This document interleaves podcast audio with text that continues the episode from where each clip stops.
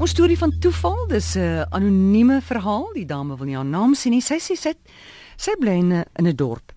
En sy sê wat gebeur het was so tussen 11 en 15 jaar gelede. Sy sê ek het in die buurdorp gewerk en dan het ek elke dag heen en weer gery.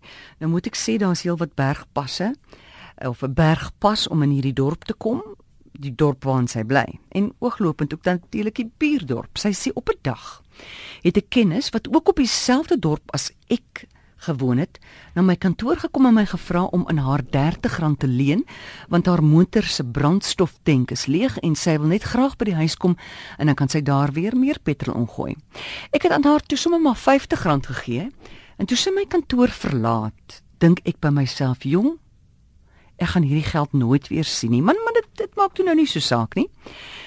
En ek het toe nooit weer die geld teruggekry nie tot so 2, 3 jaar daarna dat ek en 'n kollega weer een oggend op pad werk toe is en daar hoor ek 'n snaakse geluid in my motor. Dis 'n bergpas en gelukkig is daar toe nou 'n aftrekplek. Toe ek stilhou, so ek sien dat ek 'n papwiel het en ook nie selfoonopvang sit nie. Ek sou seker die wiel kon omruil, maar op pad werk toe met sy kouse en hoë hakke was ek darm nou nie lus daarvoor nie. Toe ek so opkyk, sien ek 'n motor wat verbygery het. Hy draai toe om en kom stop by ons. Groot was my vreugde toe ek sien 'n jong man klim uit. Want toe weet ek hy gaan vir ons die wiel kan omruil. Man, maar toe val lig. Want toe hy naderkom, sien ek dis die seun van die dame aan wie ek destyds R50 gegee het vir die brandstof baie meer werd as daai R50 was die guns wat hy my gedoen het om hom te ontferm oor die twee dames langs die pad met 'n papwiel.